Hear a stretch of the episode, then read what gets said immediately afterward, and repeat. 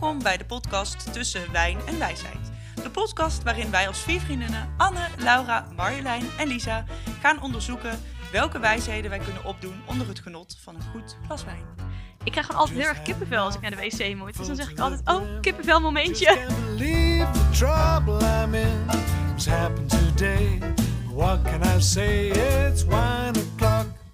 Welkom. Dit is aflevering 7 van de podcast Tussen Wijn en Wijsheid.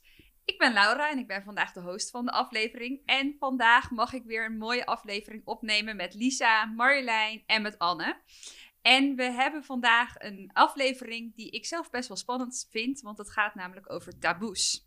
En taboes, die, dat zijn onderwerpen die waarschijnlijk niet zo snel besproken worden. En dat is toch wat wij in onze podcast eh, wat vaker willen doen. Eh, dus vandaag, vandaar maar het thema taboes. Eh, maar we beginnen even met een rondje check-in.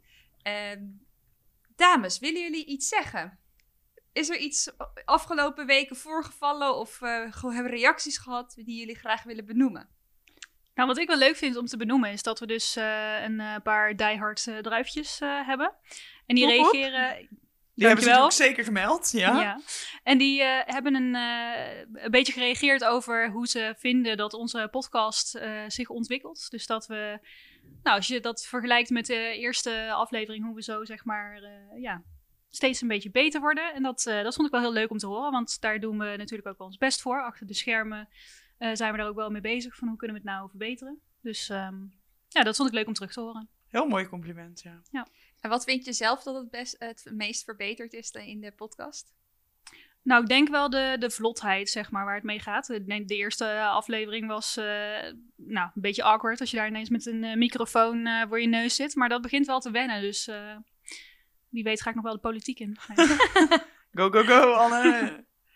Ehm, ja, er was een luisteraar, eh Laurien, en die gaf aan dat zij het heel leuk vond om aflevering 6 over dromen en ambities eh, te luisteren. Juist omdat zij op het punt staat om haar eigen, of is eigenlijk al haar eigen onderneming gestart, maar om dat eh, ja, fulltime te gaan doen eigenlijk en dat verder vorm te geven. En ze zei, was daardoor heel prettig en tof eigenlijk om juist die aflevering eh, te luisteren. Dus dat is ook heel erg tof om te horen. Cool. Leuk. Ehm, nou, mocht jij ook willen reageren of wil je ook dat we gewoon eh, jouw naam noemen in de volgende aflevering, eh, neem dan even contact met ons op wat jij van deze aflevering vond of van eerdere afleveringen. Ehm, en dat kan via eh, ons Instagram, eh Tussen Wijn en Wijsheid. Of ga even naar onze website tussenwijnenwijsheid.nl en daar ga je al onze contactinformatie vinden. Voordat we dan echt de diepte ingaan met het thema, eh, willen we ook weer een wijn introduceren. Marjolein, welke wijn hebben we voor vandaag uitgekozen? Ja, iets heel lekkers. ehm, rood. En eh, dit is ook een wijn die we hadden geadviseerd gekregen van een van onze druifjes. Dus eh, Dankjewel Mike. dankjewel. Ehm, en eh, wat misschien wel leuk is eh, om over deze wijn eh, te vertellen, eh, is dat het een eh, wijn is gemaakt. eh, hij komt uit de Toscane, maar hij is gemaakt van voornamelijk de Merlot-druif. En dat is eigenlijk heel atypisch voor eh, de Tosca Toscane-streek. Dus misschien ook wel een beetje een taboe. Ehm, tijdens het proeven van de verschillende blends van eh, de Fonterutoli-domein in Toscane verbaasde deze cuvée nummer 10 door zijn uitmuntende kwaliteit. En inderdaad, wauw, een mooie complexe smaak waarin je hout en geconfijt fruit herkent. En Onno Klein die eh, zei over deze wijn in Volkskrant Magazine: half om half Merlot en Sangiovese. Aards, prettig, geschraagd door eikenhout, balsemachtig, vol en intens. Zo, nou, ik ben benieuwd. Nou, dames, dan is het echt tijd om eh, eens even te gaan testen. Hoeveel weten jullie al over taboes? Eh, in onze rubriek Hoe wijs zijn wij? Eh, en in Nederland zijn er dus, zoals ik al eerder zei, eh, veel taboes. En dat ik er dus een aantal heb uitgekozen om maar eens te bespreken. Maar wat is dan volgens jullie een taboe? En waar komt het woord vandaan? Ik moet denken aan tabula rasa, maar dat, eh, Wat is dat? Wat is dat, ja? het onbeschreven blad. Dus als je als, als kind ter wereld komt, dan ben je een tabula rasa. Dan ben je onbeschreven. Mooi. Ik kan naar huis, ik heb weer wat geleerd vandaag. Je bent wel wijs. Ik moest daar aan denken, maar ik heb echt totaal geen idee of daar eh, een link mee, eh, mee heeft. nou, taboe is in ieder geval ja, iets wat moeilijk bespreekbaar aan bod komt of moeilijk ter tafel komt. Alleen waar het woord vandaan komt, ik heb geen idee. Er zit ook wel een beetje schaamte of zo bij, denk ik. eh. Bang misschien ook een beetje de angst dat je de enige bent die dat dan zo ervaart en het dus daarmee niet eh, ja, op tafel durft te leggen. ja, het gaat een beetje in tegen wat normaal is of zo. Of wat mensen normaal vinden. Ja, een taboe is volgens eh, wat ik heb gevonden eh, iets wat eh, wordt beschouwd als ongepast om te gebruiken, te doen of over te spreken. Hm. Dus volgens mij klopt dat wel met wat jullie zeggen. En het woord taboe, dat is om, eh, afkomstig uit het Tongaars van Polynesië. En dan moest ik even opzoeken waar dat ligt. Maar dat ligt ergens in, op een eilandje in de Stille Oceaan. En ehm, waar het stond, daar stond het voor een religieus verbod op bepaalde plaatsen, voorwerpen, personen of acties. Wow. Mooi. Dus ik vond dat eigenlijk wel cool. Ja, heel cool. Oké. Ehm, dan, wat is volgens, zijn volgens jullie de meest voorkomende taboes in Nederland? Hoeveel eh, moeten we er noemen? Nou, ik heb een, eh, Een hele lijst ja, ik heb een lijst van acht. Oké. Geld of salaris. Ja. Ja, die staat erin. Praten over seks. Ja, seks zou ik zeggen. Eh, liefdes en relaties. Eh, voor vrouwen denk ik ook wel taboe om eh, te praten over eh, ongesteld zijn. Zeker misschien in, in werksferen. Dat als je misschien dan echt een vette kutdag hebt, dat je dan zegt van ik ben ziek. In plaats van ik ben ongesteld. Niet dat je dat per se moet zeggen, maar dat je dat ook niet zou durven. Mhm. De- niet, staat er niet zo Maakt niet. Misschien überhaupt zeggen dat het niet zo goed met je gaat. We zeggen natuurlijk Ja. altijd, eh, Ja. ja. alles goed. Ja, het gaat eh, gelukkig zijn, ongelukkig zijn, dat staat er. Dus- Dat hangt misschien een beetje samen met geld, maar ehm, wat je hebt betaald voor je huis of voor een verbouwing of voor eh, Geldzaken. geldzaken. Oké. De, degene die bovenaan staat, hebben jullie eigenlijk nog niet echt genoemd. Wat vinden Nederlanders nou echt heel kut om over te praten? Ja, de vuile was. eh, problemen. Ja, misschien inderdaad, als jij zegt vuile was, ook familieproblemen of zo. Ja. Dat, Oh eh, Nou, er staat eh, psychische problemen Ah. staat bovenaan. En dan wordt er ook nog weinig gesproken, of een ander taboe is afhankelijkheid door een ziekte. Ernstige ziektes, invulling van een begrafenis en overlijden. Oh, interessant. Nou ja, ik dacht, ik had voor mezelf ook gewoon wel dingen besproken eh, die, waarvan ik dacht dat het taboes waren voordat ik dit had opgezocht. En eh, één onderwerp is ehm seksspeeltjes. Mensen die praten eigenlijk daar vaak vrij weinig over, tenminste in mijn omgeving niet. En ik vroeg me af, hoeveel procent van de vrouwen denken jullie die dat heeft liggen in zijn nachtkastje? één op de drie. Alleen vrouwen? Ja, het gaat over vrouwen. Dus gaat het ook alleen over vrouwelijke seksspeeltjes? Dat weet ik niet. Oké. Eh, ik, Dat heeft ze niet aan al die vrouwen gevraagd, want dat is een taboe. ja, eh, jij zei 1 op de 3, ja? Ja, ik denk misschien wel meer. 1 op de 5. Jij denkt dus minder, Lisa denkt 1 op de 5. Marjolein zegt Ja, ik dacht ook ongeveer eh, een derde, maar misschien nog dat het iets meer is. ja, 1 op de 2. Dus Wow, helft. Hè? En wat ik dus grappig vond, er stond dus ook bij dat eh, na de film van eh Fifty Shades of Grey, waar ja? natuurlijk daar Ja. heel veel aandacht aan eh, besteed wordt, eh werden er ook veel meer bondagespullen eh, verkocht. Wat Grappig. Ja, dat was toch ook laatst in het nieuws met die, eh, met die voetbalclub die Easy Toys als sponsor had ergens Oh in ja. eh, Drenthe. Dat mocht niet vanuit de KNVB, want dat was ook, eh, dat was ook niet goed. Dat, maar ze mochten nu toch het blijven. mocht uiteindelijk toch, maar ze- er was een, eh, liep een rechtszaak, of in ieder geval het was eh, in het nieuws. Wow, dat het, eh, heftig dat dat dan niet mag. Ja. Why not? Eigenlijk zou je ook nu moeten opzoeken in de tijd dat je dus minder eh, makkelijk zeg maar een nieuwe sekspartner vindt. Of er dan een stijging is in het aanbod. Dat had ik eigenlijk even moeten opzoeken, maar dat heb ik niet gedaan. Maar hoe zit het met ons? Doen wij, voldoen wij in de statistieken? Ja, dat moeten we dan natuurlijk ook wel vertellen. Ja, het is een taboe om over te praten, maar ik ben het wel met je eens, Anne. eh, dat, Ik ben het eh, ook eens, Als we zeker. dan zeggen Let's dat we eh, op tafel moeten gooien. Nou, ik, eh, ik wel. Ik heb hem niet, nee. Ik wel, maar dat heb ik jullie al wel eens eerder verteld. Niet onze luisteraars, maar ik wel. Mensen opletten nu, hè? Ik ook. En ik kan ook aan alle luisteraars adviseren. Mocht jij nog niet eh, bij die eh één op de twee vrouwen horen, dat het zeker een eh, goed advies is om eh, op te volgen. Nou Lies, je hoort het. Ik hoor het. Ik ga zo meteen maar eens even online shoppen, denk ik. Misschien eh, kunnen we ook nog wel wat eh, attributen aanraden. ik. Ik zal even om, eh, om advies vragen zo meteen. Dan de, mijn laatste vraag. Dat is eigenlijk toen ik ging zoeken en jullie ook vroeg van laten we eens ook een taboe nemen waar we zelf ook misschien nog niet zoveel van afweten. En dat is polyamorie. En ik moest even oefenen op de uitspraak. Ehm, maar weten jullie überhaupt wat dat is? Een liefdesrelatie hebben met meerdere personen tegelijk? Ja, het is eigenlijk een levenswijze waarin Ah. men open staat voor het gelijktijdig hebben van meer dan één liefdesrelatie. Waarbij ook ruimte is voor seksualiteit op de voorwaarde dat het gebeurt in de openheid en eerlijkheid. Met medeweten en instemming van alle betrokkenen. Nou, inmiddels weten jullie nu dus wat polyamorie is. En hoeveel mensen denken jullie dat in Nederland leven volgens deze levenswijze? 1 op de ehm, 20. Oh, ik denk echt wel meer. Maar ook echt samenleven, dus met meerdere partners in één huis. Moet ik dat ook onderschalen? Eh, nou, er staat niet dat je. een Of het vers- hebben van een open relatie. Nou, maar het is dus niet per se een open relatie. Het is Eh, toch dat ik echt bij wijze van spreken nu verkering zou hebben met jullie alle drie. En dat je dat ook weet van elkaar. Ja. Ja. Ja. Dat het in de openheid is. Ja. Maar Want dat is in een open relatie ook wel, toch? Ja. ja, alleen volgens mij als je een open relatie hebt, dan, dan woon je met je partner. Maar dan weet je van elkaar dat je nog Buiten de deur. buiten de deur, zeg maar, eh, van alles doet. ja, maar het gaat dus niet over. Het is dus, je hebt ook echt een, eh, een eh, hoe noem je dat? Een relatie qua eh, emotionele relatie. Dus het is niet alleen maar seks. Dus ik had ook wel wat dingen opgezocht. Het is, je kan beter niet, eh, of quotes die er zijn voor mensen die eh, hiervoor openstaan, die zeggen bijvoorbeeld: Mijn hart is ruim genoeg voor meer mensen. Hm.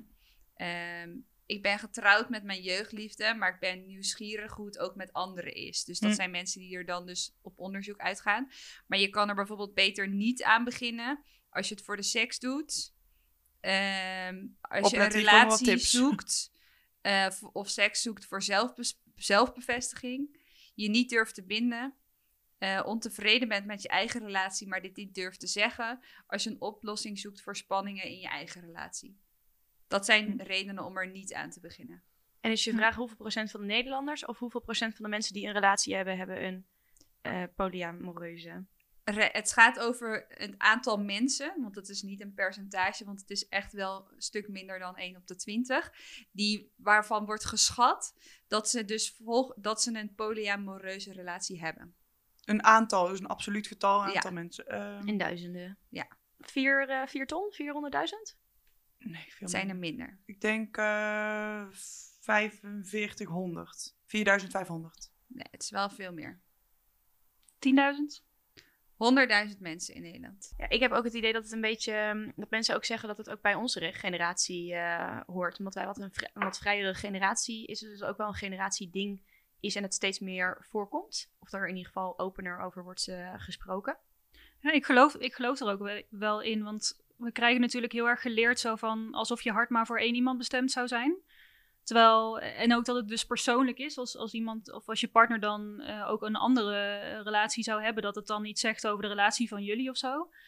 Terwijl misschien is het ook wel eh, ja, onzin om te denken dat je alles bij één persoon zou kunnen halen. Misschien heb je ook wel meerdere personen, of heb, heb je nodig, dat, dat klinkt misschien een beetje raar, maar eh, ja, kan één iemand je niet alles bieden? Of ehm, ja, kan je met, met meerdere mensen tegelijkertijd een relatie hebben en uit elke relatie dus weer iets anders halen? Ik, ik geloof daar wel in en ook dus ja, dat het niet iets zegt over dat je relatie dan inderdaad per se verkeerd is. Of eh, ik denk dat, dat ons hart niet zo werkt van als je van de een houdt dat je dan niet van de ander kan, eh, kan houden. Volgens mij is dat iets wat... dat kan je oneindig van mensen houden in die zin. Ik weet niet, vind in praktische zin zal het misschien een beetje lastig zijn om heel veel relaties te onderhouden. Ik vind het ook wel interessant als er wordt aangegeven dat het eh, buiten seks om eh, moet gaan. Want dan denk ik, dan doen we het misschien allemaal. eh, als je het hebt over een relatie ook in vriendschappen. Want ik ben het wel met je eens dat je zegt, mijn, ook mijn hart is veel te groot om alleen maar liefde aan één persoon te geven. Als ik het heb over ook mijn vriendschap en mijn familierelaties. maar echt liefdesrelatie als in, nou, in mijn geval met Lex. Ja, ik denk niet dat ik dat zou eh, kunnen. Ik heb ook een, een- met een ex daar toen een keer een, eh, een discussie over gehad. Dat ik het dus voorstelde hoe, hoe hij daarin stond. En, en hij zei een beetje hetzelfde van... ehm, ja, zo'n liefdesrelatie, dat, dat vind ik zo bijzonder. En dat wil ik eigenlijk ook maar met, eh, met één iemand. Dat vond ik ook wel weer een mooie... Ja. Nou ja, ik denk dat er gewoon. eh, het is wel, ik vind het interessant dat het. ehm dus eigenlijk maar een heel klein percentage voor Nederland hiermee bezig is. Maar dat ze dus wel zien dat het groeit. Eh, dus dat vind ik interessant. En ik vind het wel heel fijn dat, ik hoop in ieder geval dat mensen daar wel steeds meer ook open over kunnen zijn. Want ik kan me wel voorstellen dat het zoiets natuurlijk essentieel is, eh, essentieels is in jouw leven. Dat je daar ook graag open over wil spreken. En dat dat taboe dus wel van tafel mag mij feel so weary? I honestly have to say, I've been keeping myself so busy with Chablis and Chardonnay. Hey Anne, jij ehm, noemde net even in jouw eh, stukje al dat je zei: Ik heb hier eerder een, een keer met een mannelijke relatie over gehad. Maar je bent nu met een vrouw. Ja. Neem ons eens even mee. Wat eh what Eh, Ja, what happened? Ehm, nou ja, het, het is iets wat ik altijd wel heb geweten van mezelf. Dat ik er in ieder geval open voor zou staan om ook een relatie te hebben met een vrouw. Eh, en ik heb daar heel lang mee geworsteld, omdat ik toch het gevoel had dat ik een keuze moest maken. Dat werd toch wel, ja, dat, dat was voor mij wel iets wat ik in de maatschappij om me heen zag. En wat ik ook vaak hoorde, hè, van ja, je bent het een of het ander. Ehm, dus voor mij is het eerst een heel proces geweest om überhaupt eh, die overtuiging daarin eh, los te laten. Dat ik niet hoefde te kiezen en dat het ook oké was om ergens in het midden te zijn of het gewoon überhaupt niet te weten. Ik zou ook nu nog steeds niet eh, kunnen zeggen hoe ik mezelf identificeer. Ehm, en dus, dus dat was eigenlijk mijn eerste proces. En ik merk wel dat ja, een coming out, dat is niet iets wat je één keer doet. Ik had het daar toevallig met Lisa ook nog over vandaag. Het is iets wat je blijft doen. En ook dat je dus ehm, eh, daarin ook telkens weer laagjes van jezelf eh, afpelt. Ik heb bijvoorbeeld laatst aan een goede vriendin verteld dat ik verliefd op haar ben geweest. Dat, ja, dat is ook weer super spannend om te doen. En ook elke keer weer als je in een, in een nieuw gezelschap bent, komt er toch een punt waarop je moet gaan zeggen van, nou, ik ben met een vrouw. Of, En heb jij het idee dat het ook een taboe is dat je op vrouwen valt? Ehm, nou, toen ik jonger was en dus nog helemaal in de kast zat wel. Toen was het echt een heel groot taboe. Je weet gewoon niet hoe mensen op je gaan reageren. En dat maakt het ook zo spannend. Het is ook niet iets wat je kan veranderen. Kijk, als het iets is wat je doet, dan, dan, dan kan je nog zeggen van nou, ik doe het niet meer. Maar dit is iets, ja, dat ben je. Dus het is zo ontzettend spannend om daarmee eh, naar buiten eh, te komen. En ondanks dat eigenlijk iedereen er best wel goed op, eh, op, op heeft gereageerd, bijna iedereen is dat en ik daar ergens ook wel vertrouwen in had, was het toch echt rete spannend. Ehm, dus ja, toen voelde het eh, voor mij echt als een eh, taboe. Eh, nu wel wat minder. Ehm, ik heb ook wel het idee dat het misschien, maar ja, dat is misschien een projectie van mezelf, maar dat het voor vrouwen wel minder taboe is. om op vrouwen te, te vallen, omdat het ja, toch ook wel wordt geseksualiseerd. Ehm, ik denk dat dat taboe misschien voor mannen wel echt veel groter is. En wat ik wel heb gemerkt is dat, ehm, dat biseksualiteit misschien binnen de gay scene weer ehm, eh, een taboe is. Oh, dus eh, ja, dat, eh, dat, heb, dat heb ik me nooit zo beseft. En ik ben ook niet per se heel erg ja, actief of zo in, de, in, in de scene. Ik heb natuurlijk ook maar één vrouw gedate en dat was meteen raken en nu gaan we trouwen. Dus ik heb nooit Woehoe! gedate of zo. ik vind het dus, ook, even iets tussendoor zeggen? Wat ik dus ook zo interessant vind, dat we het hebben over een gay scene, maar we hebben het niet over een hetero scene. En we hebben het over eh, uit de kast en in de kast. Dan denk ik, ja, kan dat niet, zeg maar, het, het bestaat zeg maar al naast elkaar, maar kan dat niet nog meer een soort van één, weet je wel? Waarom moet er benoemd worden dat iemand uit de kast is? Wat ik sowieso even, dat is geen goed of fout, hè, maar zo'n rare term vind. Maar ja, het is altijd zo'n ding inderdaad om te gaan zeggen: ik val dus op vrouwen, of ik val Hmm. ook op mannen, of ik val op allebei, of weet ik veel wat. Ja. Hoe zouden we, ja, dus even een hele andere vraag, maar hoe zouden we dat toch eens aan kunnen pakken? Nou ja, het is eh, natuurlijk, eh, de norm is altijd, eh, wat je zegt van we hebben het niet over een hetero eh, scene. Nee, maar de hele wereld is hetero, weet je wel. Ja. Dat, eh, Dat dat is is ook een wat... vraag die je vaak krijgt van... eh, ik ben net eh, in een nieuwe baan begonnen. En dan is de vraag, heb je een vriend? Dat vind ik ook zoiets Ik stoms. krijg niet vaak de vraag, heb je een partner? Partners. Ja, Ja, ik zou dat Ik ben veel daar nu wel heel erg vinden. bewust eh, Ja. als ik dat aan andere mensen Ja. vraag. eh. Ja, maar het gaat ook over die representatie. Wat ik bijvoorbeeld op dit moment ook vaak hoor, is eh, dat eh, Netflix is er heel erg mee bezig met diversiteit. En dan zijn er mensen die worden er zogenaamd moe van dat er dan dus overal een gay personage in moet zitten. Maar dat is natuurlijk ehm, omdat het is altijd, we hebben altijd door Hollywood zeg maar eh, de, eh, de heteronorm voorgeschoteld eh, gekregen. Maar dat wil niet Daar zeggen is nog dat nooit dat... iemand moe van geworden, heb ik Nee, maar dat is, ik. ja, maar dat is dus hoe de, hoe de norm eigenlijk altijd is, is geweest en ook ons is voorgeschoteld, weet je wel. Dus dat, me- dat we dat nu gaan doorbreken, dan wordt het ineens opvallend. Terwijl eigenlijk is het altijd al zo geweest. Er zijn altijd al ehm, ehm, ja, mensen, Mensen geweest die op hetzelfde geslacht of op beide geslachten. Ja, of, zich, of het gewoon niet weten of Ja. zich niet willen identificeren, weet je wel. Dat, eh, dat is er altijd al geweest, alleen we hebben het nooit echt gezien. En dat is denk ik, ja, die representatie daarin is gewoon heel erg... eh, Belangrijk be- om die ja, norm aan te passen, denk ik. Belangrijk, dus daarom hebben we, ja, hebben we het over een, een gay scene of is het afwijkend, omdat we het niet zoveel hebben gezien. Het is ook niet voor niks een taboe. Is er een, eh, toen je uit de kast bent gekomen, is er een reactie die je is bijgebleven? Het kan zowel positief of negatief eh, zijn. Ehm, nou, wat ik dus wel grappig vond, was toen ik uit de kast kwam, zo gezegd.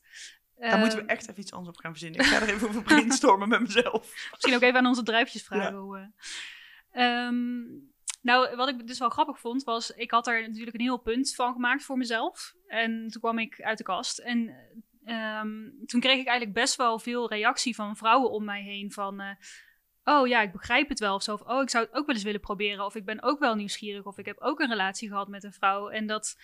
ehm, ja, dat ik echt dacht van, ja, waar heb ik me dan zo druk over gemaakt? Maar goed, Mhm. ik heb ook wel, eh, ja, eh, van eh, een naaste ook niet zo'n leuke reactie gehad. En ehm, ja, dat, dat doet ook wel echt heel erg veel pijn. Dus dan weet ik je ook zeggen, wel... wat doet dat met je inderdaad? ja, dat doet wel echt knap zeer. Mhm. Ja, als, die, eh, ja, diegene die, die heeft ook wel eventjes eh, me niet meer aangekeken, zeg maar. En dat is... En vo- eh, wat, wat voel je dan? Voel je dan bijvoorbeeld dat iemand je niet echt accepteert zoals je wie bent? Of is dat een ander gevoel voor jou? Nou ja, in dat eh, geval voelde ik me misschien een beetje vies. Omdat diegene me dus ook niet meer aankeek. Ehm, uiteindelijk is het allemaal goed gekomen, gelukkig. We hebben daar gelukkig Terecht, wat mij betreft. ja, fijn over kunnen praten. Mhm. Ja, en, en zoals het voelt, kijk, je hebt altijd mensen hebben jou geaccepteerd voor wie je al die tijd was. En ineens Ja. verandert dat Mhm. voor je gevoel. Want het, ja, dat, en, en dat, dat maakt het spannend. En ook zeker naar vriendinnen toe, weet je wel. Dat je Terwijl dan- jij niet verandert. Nee, nee. Ik ben, niet, ik ben die persoon altijd al geweest, Ja. alleen nog niet eh, eh, open en eerlijk, zeg maar. Dus, ehm, eh, en naar vriendinnen toe vond ik het wel spannend van, ja, hoe gaan die dan reageren? Vinden ze me dan ook ineens eng of zo? Of zijn ze dan bang dat ik naar ze kijk op een bepaalde manier? Nee hoor. Of hoe was dat voor jullie dan? Ik, weet, ik vergeet het nooit meer waar het was, wanneer het was. Bij wijze van spreken hoe laat het was. maar, Ja, we eh, waren met z'n vieren natuurlijk. Ja, bij eh, Vintage waren we in Utrecht. Voor mijn verjaardag nog. En toen vertelde je dat. Ehm, voor mij is er he- helemaal niks veranderd. Eh, als ik kijk naar eh, onze vriendschap of ehm, naar onze dynamiek met z'n vieren. Ik vond het juist heel fijn dat je het eh, zei en dat je het. ehm, omdat jij, denk ik, voor jezelf, correct me if I'm wrong, voor jezelf heel erg belangrijk was dat je dat oud in die open kon gooien. En ik was vooral heel blij dat je dat toen met ons deelde. En ja, voor mijn gevoel hebben we dat toen ook gewoon meteen omarmd. En waren we gewoon, ja, toch dan ook heel erg meteen nieuwsgierig. En wilden we echt alles van je weten. En dat doen we natuurlijk altijd. Maar ja, ik vond het wel ook iets, ja, ik vond het heel mooi en warm en liefdevol. En voor mij ben je gewoon nog steeds Anne die je toen ook was, weet je wel? Ik eh, wil graag een, eh, even een, eh, een bruggetje bouwen. Eh, we leven natuurlijk nogal in een eh, maatschappij waarin we zeggen: oké, je dus bent dus. eh, eh, je valt op mannen, je valt op vrouwen of je valt op beide. Dus je wordt heel erg in een hokje geplaatst waarin je past. En dat doet me een beetje denken aan vroeger. Toen eh, vroegen ze altijd: bij welk honk ben jij? Zegt jullie dit iets? Zeker. Ja, sowieso. Geen idee waar jullie het over hebben. Marlijn, leg eens uit. Nou ja, vroeger, ik denk dat dat ook best wel een taboe is. Of eh, op een gegeven moment komt er, eh, komt er een tijd dat je gaat puberen, denk ik. Of daarvoor Mhm. misschien al. Ja, Dan, dan komen er vriendjes en nou, vriendinnetjes in het, eh, in het spel. ja.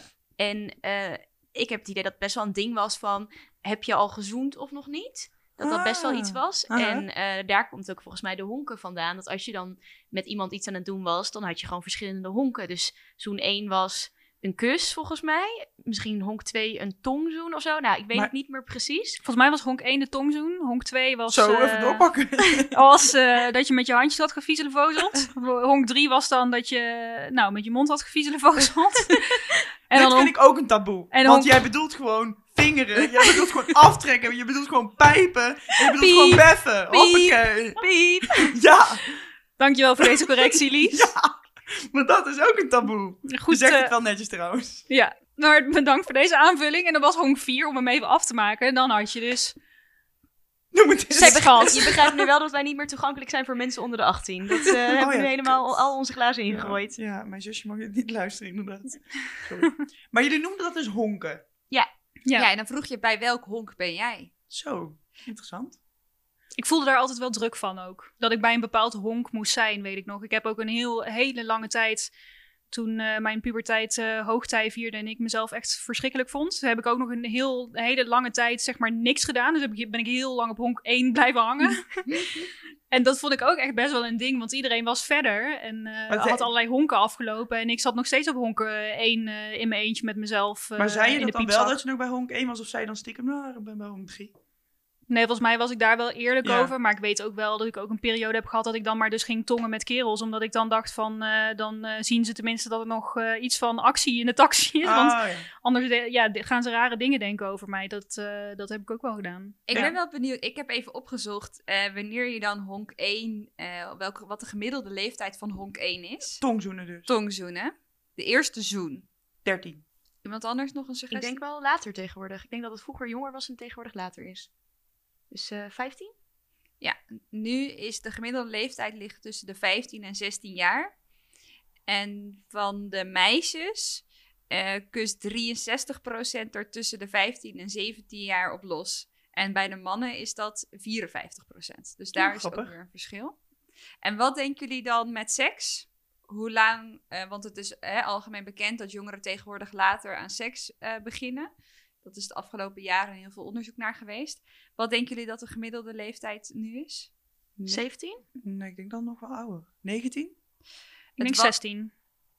Het was 17,1 en op dit moment, eh, toen dit onderzoek werd uitgevoerd, dat is alweer even geleden, was het 18,6 jaar. Ja. Nou, vertel eens dames. Ik was 16. Met zoenen of met seks? Met seks. En met zoenen was ik 12. Zo, vroeg Ik weet ook precies wanneer en waar. Op het voetbalveld. Simon van der Wakker, als je luistert. Echt, eh, we hadden afgesproken bij het voetbalveld. Gewoon op een super duffe dinsdag. Ik weet ook niet meer welke smoesje ik bij mijn moeder heb... eh, sorry mam. Welke smoesje ik heb verzonnen. En toen gingen we bij de voetbalclub afspreken. Toen hebben we daar eh, aan de, op het veld, maar aan de, aan de zijlijn... hebben we even een potje aan tongen. En toen gingen we weer naar huis. En wat vond je ervan?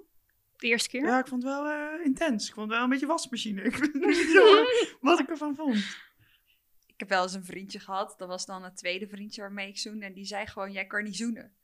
Nou, dat is niet dus die eerste had blijkbaar niet goed geleerd. Goed voor jezelf trouwen. ja, dat was echt top. En, en hoe oud was jij, Laura, toen je zoende voor het eerst? Toen ik zoende voor het eerst was ik 12. En seks? Ik was vrij jong, ik was 14. Zo, dat is inderdaad echt wel jong ook, joh. Ja, dus ik ben al eh 14 jaar actief, de helft van mijn leven. Wow, dat is best wel Jubileum, insane. jongens. Nou, daar proosten we op. Cheers. Ja. ja, maar dat vind ik dus ook wel een taboe, zeg maar. Dat je leeft, de leeft, als ik tegen mensen vertel dat ik 14 jaar was, dan denk ik nu ook wel soms terug van, eh, was dat dan echt nodig? Als mijn ouders dit luisteren, denken ze ook echt, Dat weet zullen die man eens nog eens eventjes eh, bij zijn kladden pakken. Maar goed, op dat moment voelde dat goed en ik heb er ook geen spijt van. Dus, maar eigenlijk ben je super jong. Ben Ja. je ook helemaal nog, moet je helemaal daar nog niet mee bezig zijn. Nee. Maar ik merkte ook wel dat ik wel vriendinnen had om me heen die daar ook al wel mee bezig Hm. waren. Dus Ja, dat- was niet dat- de ja. enige. Ja, dat herken ik wel. En daardoor werd het een soort van heel stom, maar toch een wedstrijd. Dus ik, ik herken dat ook wel. Dat het een soort, ja, niet wedstrijd. Ja, die honken die jullie noemen, was bij ons inderdaad benoemen van waar ben jij, maar dan letterlijk dat benoemen als soort van wedstrijd. Inderdaad. Ik weet toch ook wel dat wij eh, bijvoorbeeld, wij hadden MNO, dat was management en Ja, ja. organisatieles. En toen zat ik in de vijfde volgens mij, dus ja, was ik een jaar of eh 17. Mhm. En dan werd besproken het aantal keer seks wat je dan het weekend had, bijvoorbeeld met je vriendje. Nou, ik vond dat dus echt Oh, heel ja. heftig Ik dat je, bij dan, ons ook wel dat, je dat dan, ja. hoe Oh. vaak je het dan deed. Met Dat is ook een taboe. Ja. Ja, zeker.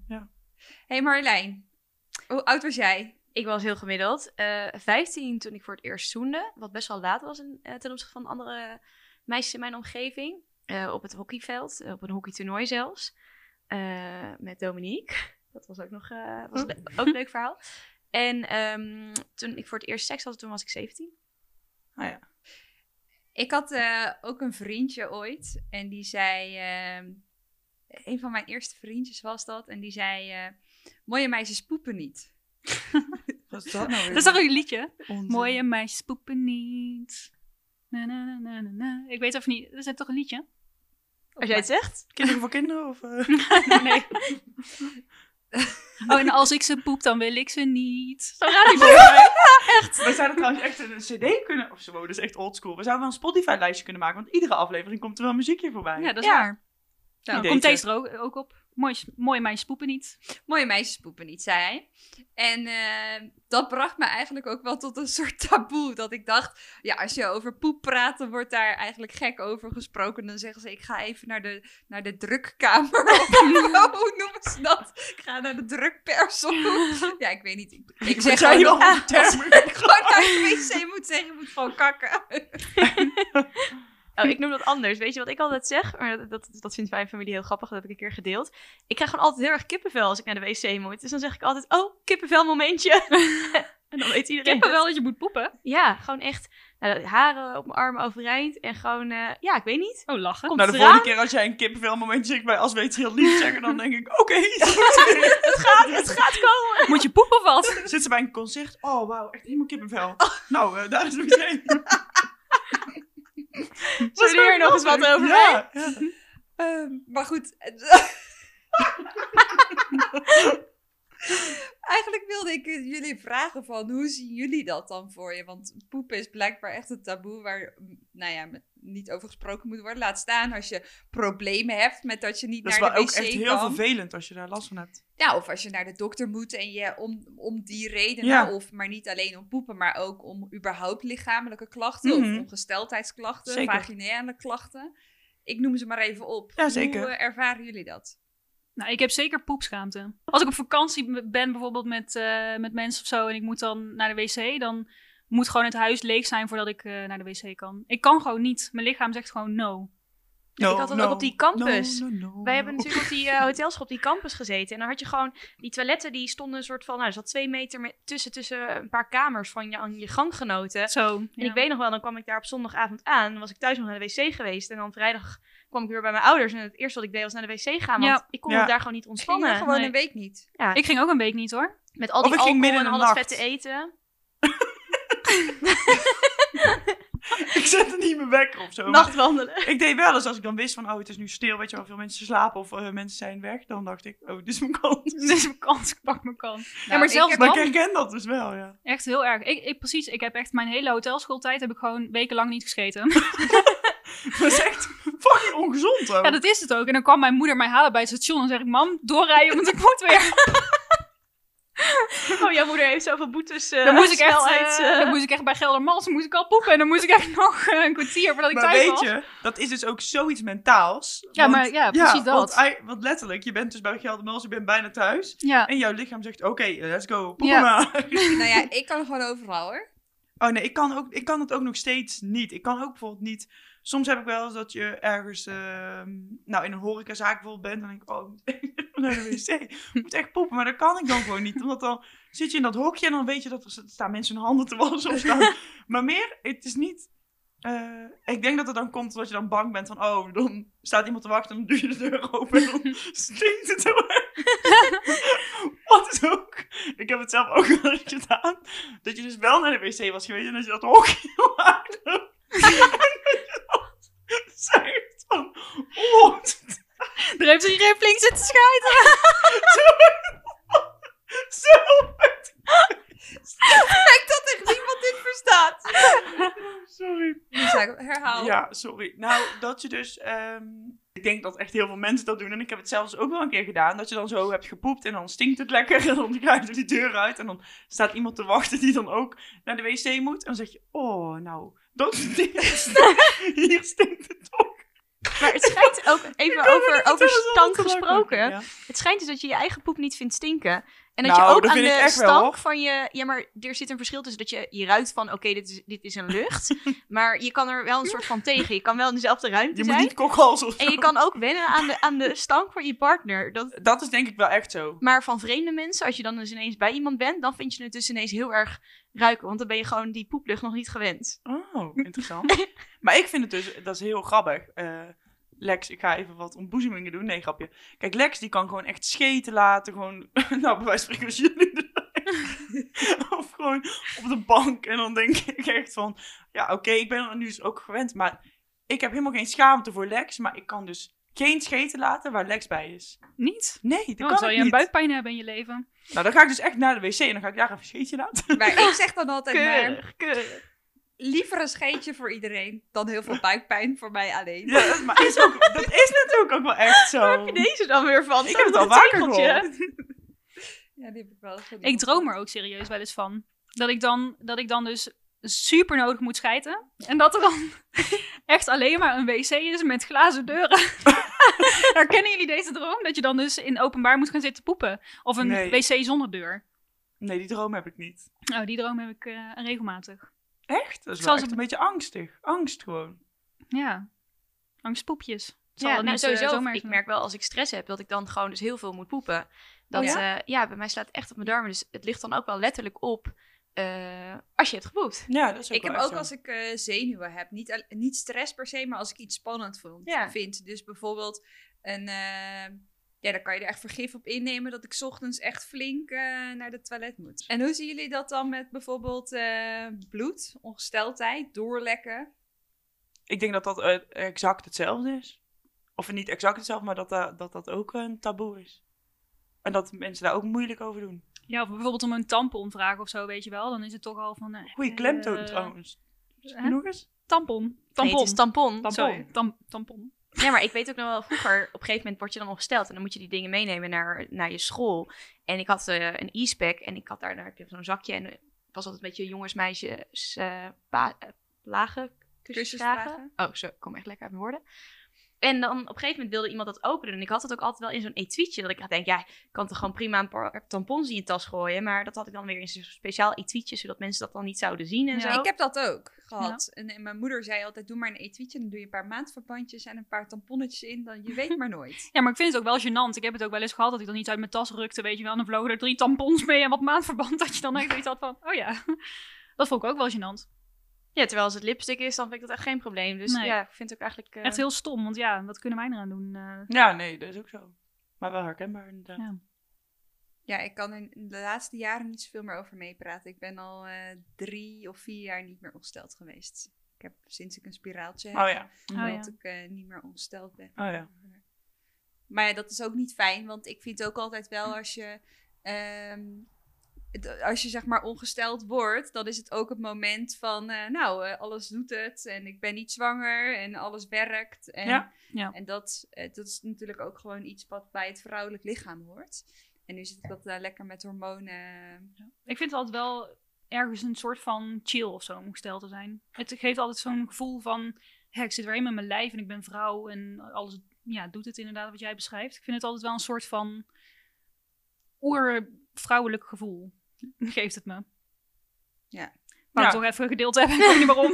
Nee, ik snap dat wel. Ik vind het ook altijd eenmaal, als ik ongesteld ben, dan is het ook een soort van opluchting. Want echt die, die dagen of soms weken ervoor is het echt eh, niet, eh, kan ik het af en toe niet eh, redden met mezelf. Ik vind het echt vreselijk. Ik voel echt eh, alsof ik eh, drie dagen lang seks heb gehad en helemaal uitgehold ben. Echt? Ja. Als je bloed blijft ook maar stromen. Dus ja, ik voel, ik, ik voel me ook gewoon letterlijk heel zwak of zo. Dus gewoon Oh ja. ook echt niet fit. Dat, eh, Dat is ook vervelend. Maar dat is grappig, want ik heb wel eh, de lichamelijke klachten van ongesteldheid. Dus ik weet wel wanneer Oh ik ja? ongesteld zou, Zou moeten, worden. Oh. Ja, dus ik weet ook niet of het precies dezelfde cyclus volgt, maar ik heb dan bijvoorbeeld hele eh, gevoelige borsten. dat dus als ik bijvoorbeeld altijd. ga sporten, dan, nou, dat is echt geen pretje. Ik ga liever niet, omdat het dan Ja. echt zeer doet. Mhm. Dus ik heb wel die, dat heb ik De de cyclus laatste is er nog steeds. Hm?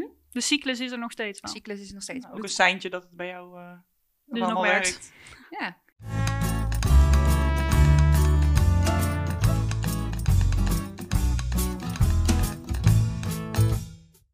Ik zei natuurlijk net dat ik wel nog de lichamelijke klachten heb van eh, ongesteldheid zijn, maar niet meer het bloed dat er zo lekker uitstroomt in, eh, in de periode.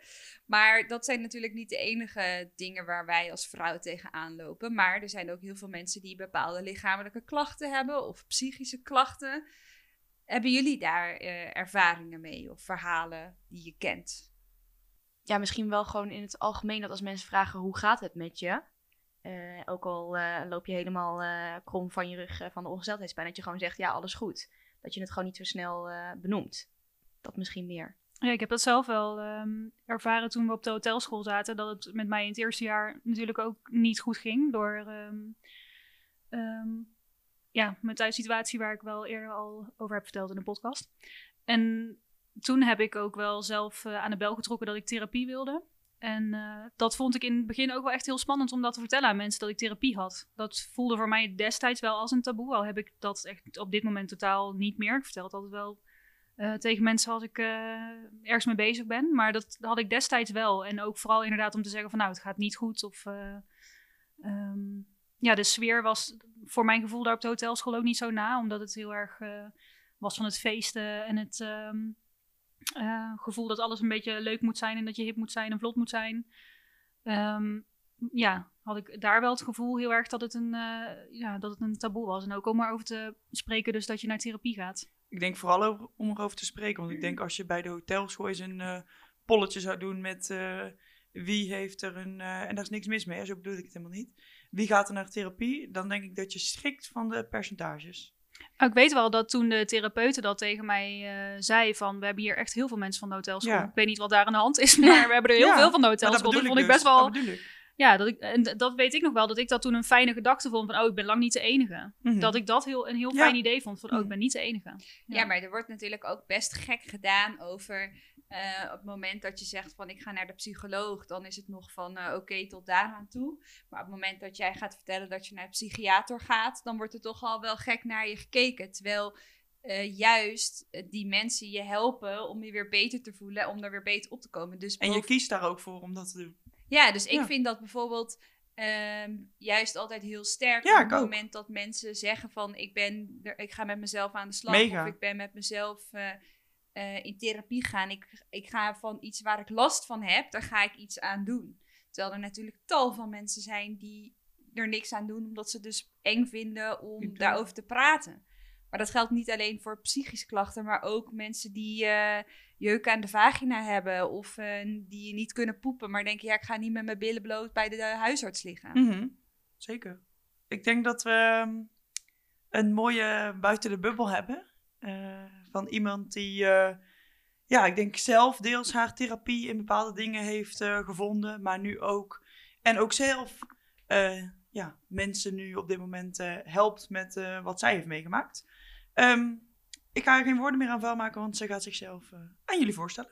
Ik ben Fiora, ik eh, ben 30 jaar en ik kom ook uit Utrecht. En ik heb een Instagram-account, fiora.nl. En daar deel ik hele inspirerende dingen op als ik eh, mijn volgers mag geloven. Ik heb namelijk eh, acute leukemie gehad. Dit heb ik overleefd en daar heb ik heel veel over gedeeld. Ik ben daarna op wereldreis gegaan met mijn vriend en heb daar ook heel veel over gedeeld. Dus dat is eigenlijk een beetje in het kort waarom ik hier ben. Ja, dankjewel voor deze, voor deze mooie introductie. En natuurlijk, nou ja, extra fijn om jou gewoon aan tafel te hebben. Laten we dat, laten we dat vooropstellen. Naar onze mening eh, doorbreek jij een heel belangrijk taboe, wat volgens ons in Nederland wel heerst. Eh, en dat is het taboe van ja, het eerlijk durven delen. Of het nou naar vrienden of familieleden of collega's is, of op social media, hoe het nou echt met je gaat. Dan zijn we wel benieuwd, herken jij dat taboe wat ik zojuist omschrijf? Ja, zeker. Ik denk inderdaad dat het veel mensen liever het perfecte plaatje voorhouden, terwijl het helemaal niet zo goed met ze gaat. En vooral online zijn mensen daar wel een ster in Mhm. om vooral alleen te laten zien, oh, ik heb een nieuwe baan, ik heb een nieuwe auto, kijk eens waar ik allemaal gezellig uit eten ben. Terwijl ze dan misschien daarna verdrietig in bed liggen omdat ze eenzaam zijn of ongelukkig. En ja, ik heb wel eh, misschien onbewust door mijn ziekte eh, online te gooien daar een taboe mee doorbroken. maar dat was helemaal in eerste instantie natuurlijk niet het plan. Eh, dat ontstond gewoon. En ja, de reacties daarop waren zo bijzonder. Mhm. En toen had ik wel door van, oh, hier zit blijkbaar nog een heel groot taboe op Ja. om zo open Ja. te zijn Mhm. en eerlijk te vertellen dat je je in zo'n ziekteproces ook heel slecht kunt voelen. Maar ja, dat er ook wel heel veel positieve dingen aan Ja. zitten. En Of he- heerste dat ook echt bij jou, dat taboe? Zeg maar voor 2016, om het zo maar ja, te zeggen? Ja, ik had toen vooral echt een, een fit girl account en deelde ik ook van ik sta in de sportschool en eh, ik, ik eet dit en, en, en dit doe ik. Maar dan zei ik niet, ik, ik ben moe, ik heb er geen zin meer in. eh. dan, dat, dat was ook gewoon veel meer het, het perfecte plaatje laten zien. En, en ik weet nog dat ik toen ziek werd en dacht, ja, moet ik dit nou wel delen? Zitten mensen hier wel op te wachten? En op een gegeven moment dacht ik, ja, ik denk juist dat mensen ook dit interessant vinden Ja. van iemand die 25 Mhm. is. En dit kan iedereen overkomen, dus... Wat was voor jou toen de trigger dat je dacht, hey, dit ga ik nu ook delen? Of wat? Nou, dat kwam heel erg doordat ik veel vragen kreeg en een beetje gek werd om iedereen persoonlijk eh, te antwoorden. En toen dacht ik, als Vragen ik dat als nou... letterlijk ook, hoe gaat het met je? Ja, Of- ja en, en toen dacht ik, als ik dat nou eens op een blog ga zetten en mensen daar kunnen lezen. En als ze dan dat gelezen hebben, dat ze dan aan me vragen van, hey, hoe gaat het? Ik heb het gelezen en ik ben benieuwd naar dit of dat. Daar is dat eigenlijk mee begonnen. En wat waren de reacties? Ja, meteen al zo extreem veel reacties van mensen die ik helemaal niet kende. Terwijl ik het in eerste instantie voor vrienden en familie deed. Maar ik kreeg zoveel erkenning en herkenning van wat knap dat je zo open durft Mhm. te praten over Ja. zo'n proces. En wat je meemaakt in het ziekenhuis. En vooral ook echt niet de leuke dingen, maar ja, ook de hele nare dingen. En dat je daar wel met humor naar kunt kijken. Ja, daar kreeg ik heel veel positieve reacties op. Kon jij je toen nog herinneren dat je dacht, wow, door het schrijven van dit blog of door delen, ben ik eigenlijk een taboe aan het doorbreken? Heb je die realisatie? Nou, meer doordat ik die berichten kreeg van... ik vind het heel bijzonder dat je hier heel open over durft te zijn. En dan dacht ik van, hè, maar ja, ik, ik vertel toch gewoon mijn verhaal... wat ik meemaak in het ziekenhuis. Wat is daar nou een taboe aan? Maar als je dan merkt dat het voor andere mensen zo'n eye-opener is... en zo, ja, ze, ze helpt en, en ze zeggen van... oh, dit had ik zelf nooit zo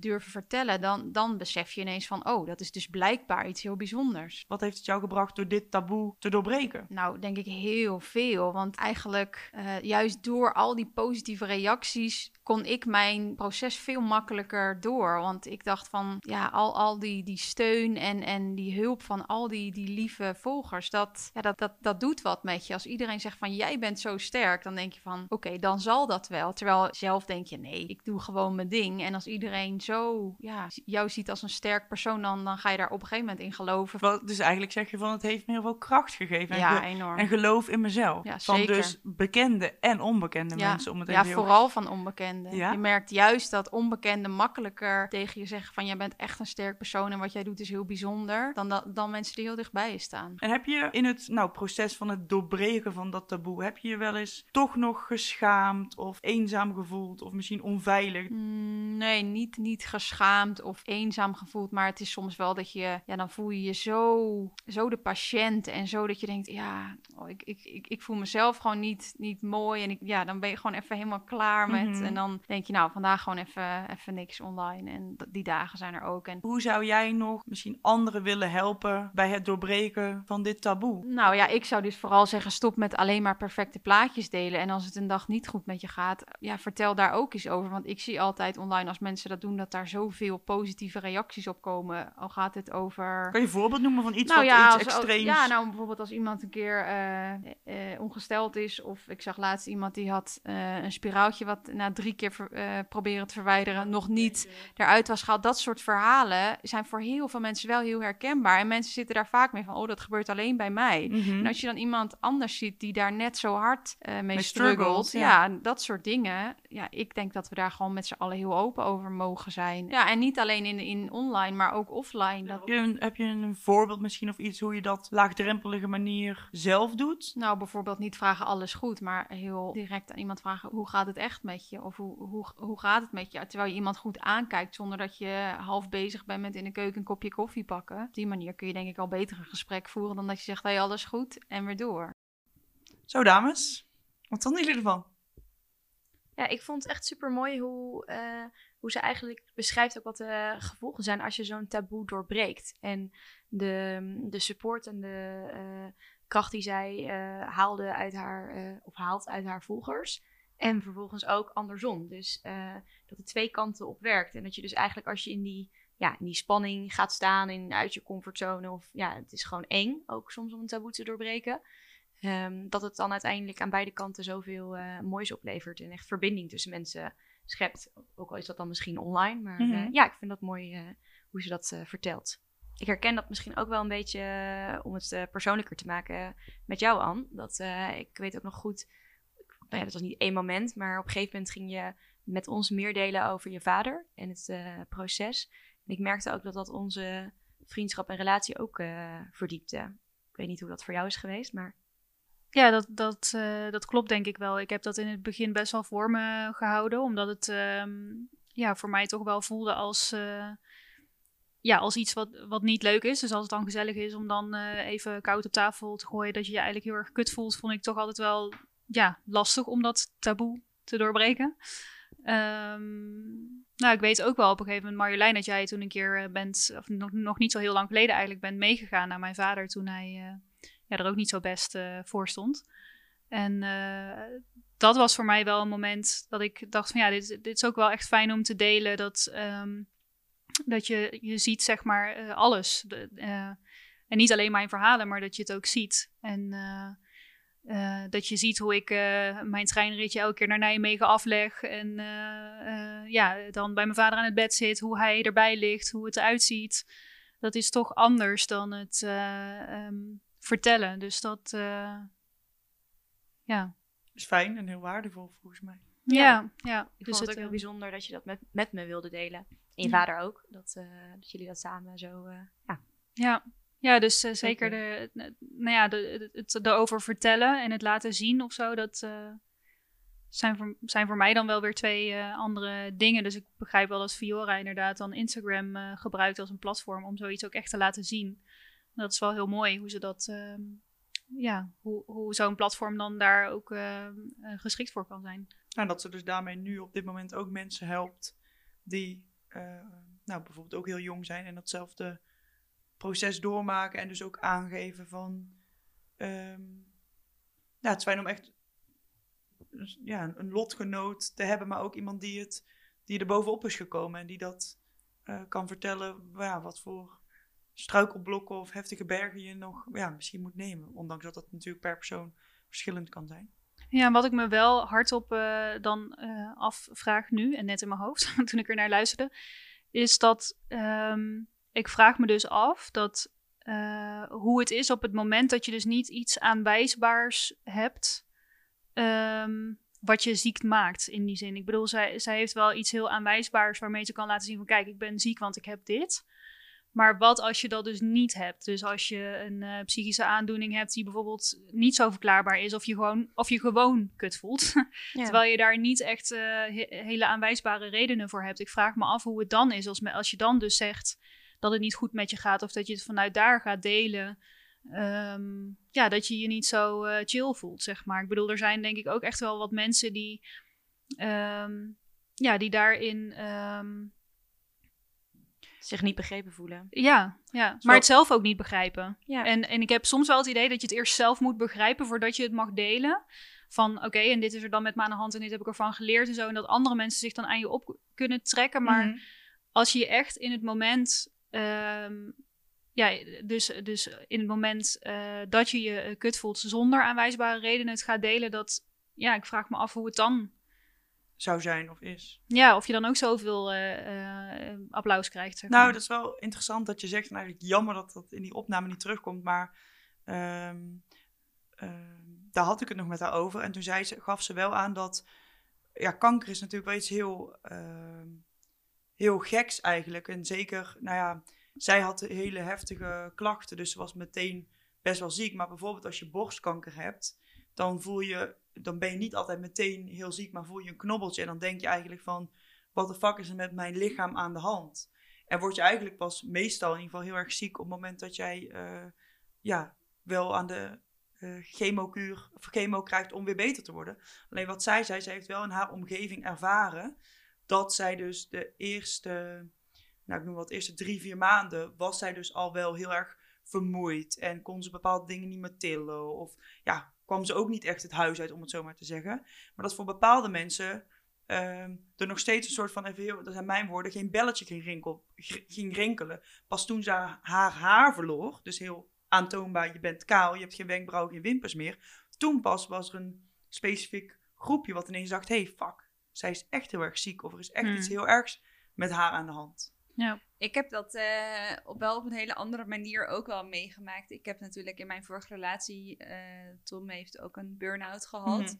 En ehm, wat ik daarin heel erg merkte, is dat ik het zelfs soms al moeilijk vond begrijpen dat hij niet mee kon op visite naar mijn ouders bijvoorbeeld. Ik weet niet of dit toen ter sprake kwam, maar als voorbeeld. Maar ik kon niet begrijpen waarom dat te zwaar voor hem Ja. was. Omdat het voor mij iets van zo vanzelfsprekend was dat eh, ik snapte niet dat hij daar moe van kon worden. Laat staan dat als wij eh, op een gegeven moment, we konden niet meer naar de stad, want hij kon de prikkels niet aan. We konden niet naar een supermarkt. Dus, en op, je ziet niet iets aan Nee. iemand. Dus eh, ik vond dat dan moeilijk te begrijpen. Met iemand waar je zo nauw mee, Mee samenleeft en ja. woont. La- dus ik snap heel goed wat Anne zegt. Dat Ja, als je bij zo. Dat ik, als je iemand zo goed kent en zo goed met iemand gaat en dan niet al dat helemaal kan voelen, dan is het wel soms heel moeilijk voor de buitenwereld om dat Mhm. ook te begrijpen. Ja, en mensen willen het ook graag oplossen. Dus Ja. eh, ik denk ook wel dat mensen vragen van... oh, loop je dan al bij een eh, psycholoog en heb je dit al geprobeerd? En Mhm. buurvrouw van een vriendin van de moeder van de Mhm. kennis van die... die heeft Heel dit ook bedoeld, ja. heel goed bedoeld. Maar dat ze ook wel verwachten een bepaalde progressie of zo. Dus dat het ook wel heel erg is van... Ja, klopt. Nou, hoeveel, af, hoeveel eh, behandelingen heb je dan nog nodig? Of ben je er wel op de juiste manier aan aan het werk? Terwijl, ja, het is niet iets wat je met, met zoveel... Er is geen vast recept, denk ik, voor hoe je zoiets oplost. En eh, dat iedere keer maar benadrukken... legt denk ik ook een druk op iemand wat, ja, wat het alleen nog maar vertraagt. Ja, ik zit nog te denken aan ehm, vorig jaar... toen ehm, het niet goed ging tussen mij en Jesper... En we eigenlijk eh, ja, daar ook wel een keer gesprekken over hadden gehad, maar niet, ja, we wisten het niet. Mhm. Ik weet nog dat ik toen een training had en dat we een check-in deden met onze traineegroep. En eh, nou, ik had alles verteld op werkvlak wat er was gebeurd. En toen zei eh, een collegaatje van, joh, is dat alles? En toen gooide ik daar op tafel dat eh, het niet goed ging in mijn relatie. En dat we op een kruispunt stonden. En dat we twee kanten op zouden kunnen gaan. We zouden links kunnen gaan en samen happy end. Of het zou ook rechts kunnen gaan. En dat ik gewoon niet wist wat het ging worden. En dat zo delen in dat proces. Van normaal deel je iets van, oh we zijn uit elkaar. Of eh, we hebben een moeilijke tijd gehad, maar het gaat nu goed. Dat vind ik wel heel erg, eh, dat vond ik super lastig. Dat je, Mhm. ik was zo bang voor de adviezen die mensen zouden gaan geven en de meningen die mensen zouden gaan hebben. Maar dat was dus echt alles behalve dat. En mensen zeiden gewoon van, joh, wat fijn dat je dit zo deelt en eh, wat vervelend voor je. En wat kut. En het, het voelde heel erg als een last die ja, van je schouders eh, afvalt. En iets Dat wat je met ze meeleefden. ook. ja, meerdere mensen wordt gedragen. En toen, het uiteindelijk, toen we uiteindelijk uit elkaar waren, en dat is niet toen, ja, dat is vrij kort daarop gebeurd. Toen was het ook heel fijn, omdat, eh, ja, om, voelde ik me ook heel begrepen door de mensen Mhm. met wie ik het al eh, ja. Ja. had gedeeld. Niet alleen het resultaat, maar soms ook het proces, in het proces iets delen, is wat anders. Nou jongens, dat was hem alweer. De tijd vliegt weer voorbij. Eh, we hebben een heel aantal onderwerpen met eh, kunnen aanraken. Ehm, maar ook heel veel dingen waarvan ik denk dat we daar nog over door kunnen praten. En ik zit me eigenlijk ook af te vragen, is taboes iets wat onze luisteraars misschien wel vaker zouden willen terughoren? Dat we dat bijvoorbeeld in elke aflevering zouden een, als een soort onderwerp zouden kunnen laten terugkomen. Dus dat is dan ook gelijk een oproep aan onze luisteraars van hey, vinden jullie dat een goed idee? Voordat ik hem echt helemaal ga afronden, wat hebben jullie vandaag geleerd, dames? Nou, ik vind het wel eh, een mooie, eh, wat Mario zei, om dingen in het proces eh, te delen. Dat is wel iets wat ik ga meenemen hieruit. Ja, als ik naar mezelf kijk, heb ik ook wel geleerd dat taboes zijn dingen waar niet over wordt gesproken. Maar op het moment dat je dus wel dingen bespreekbaar maakt, dat het ook kan opluchten en je kan helpen. En anderen ook kan helpen. Ja, en ook de, de manier waarop je dingen vraagt. Dus eh, eh, zoals Fiora zegt van eh, alles goed, waarop je heel snel ja zegt of eh, en het afkapt. Dat de vraag hoe is het met je of eh Anne vraagt vaak hoe, wat houdt je bezig. Dat dat meer uitnodigt om, eh, om ook iets eh, te vertellen hoe het echt met je gaat. Dus eh, Ja, en ik denk eh, vaker proberen om het beestje bij de naam te noemen. Ik maakte er net een grapje van met al mijn eh, seksueel getinte eh, termen. Maar eh, even los daarvan denk ik ook dat dat heel belangrijk is om het taboe te kunnen doorbreken. Nou jongens, ik ga hem echt afronden. Mocht je ons nog iets willen laten weten, hebben we iets gemist? Ben je het echt totaal niet met ons eens? of wel, of wil je ons gewoon een lief bericht sturen? Dat mag natuurlijk ook altijd. Stuur dan even een mailtje naar tussenwijnenwijsheid.gmail.com of slide even in onze DM op Instagram. En dan krijg je... Dan eh, beloof ik dat we ook een berichtje terugsturen. Ik ga jullie nu bedanken voor het luisteren. En ik hoop dat jullie de volgende keer weer luisteren. Tot dan. Doedel. Doei. Dankjewel. It's wine o'clock.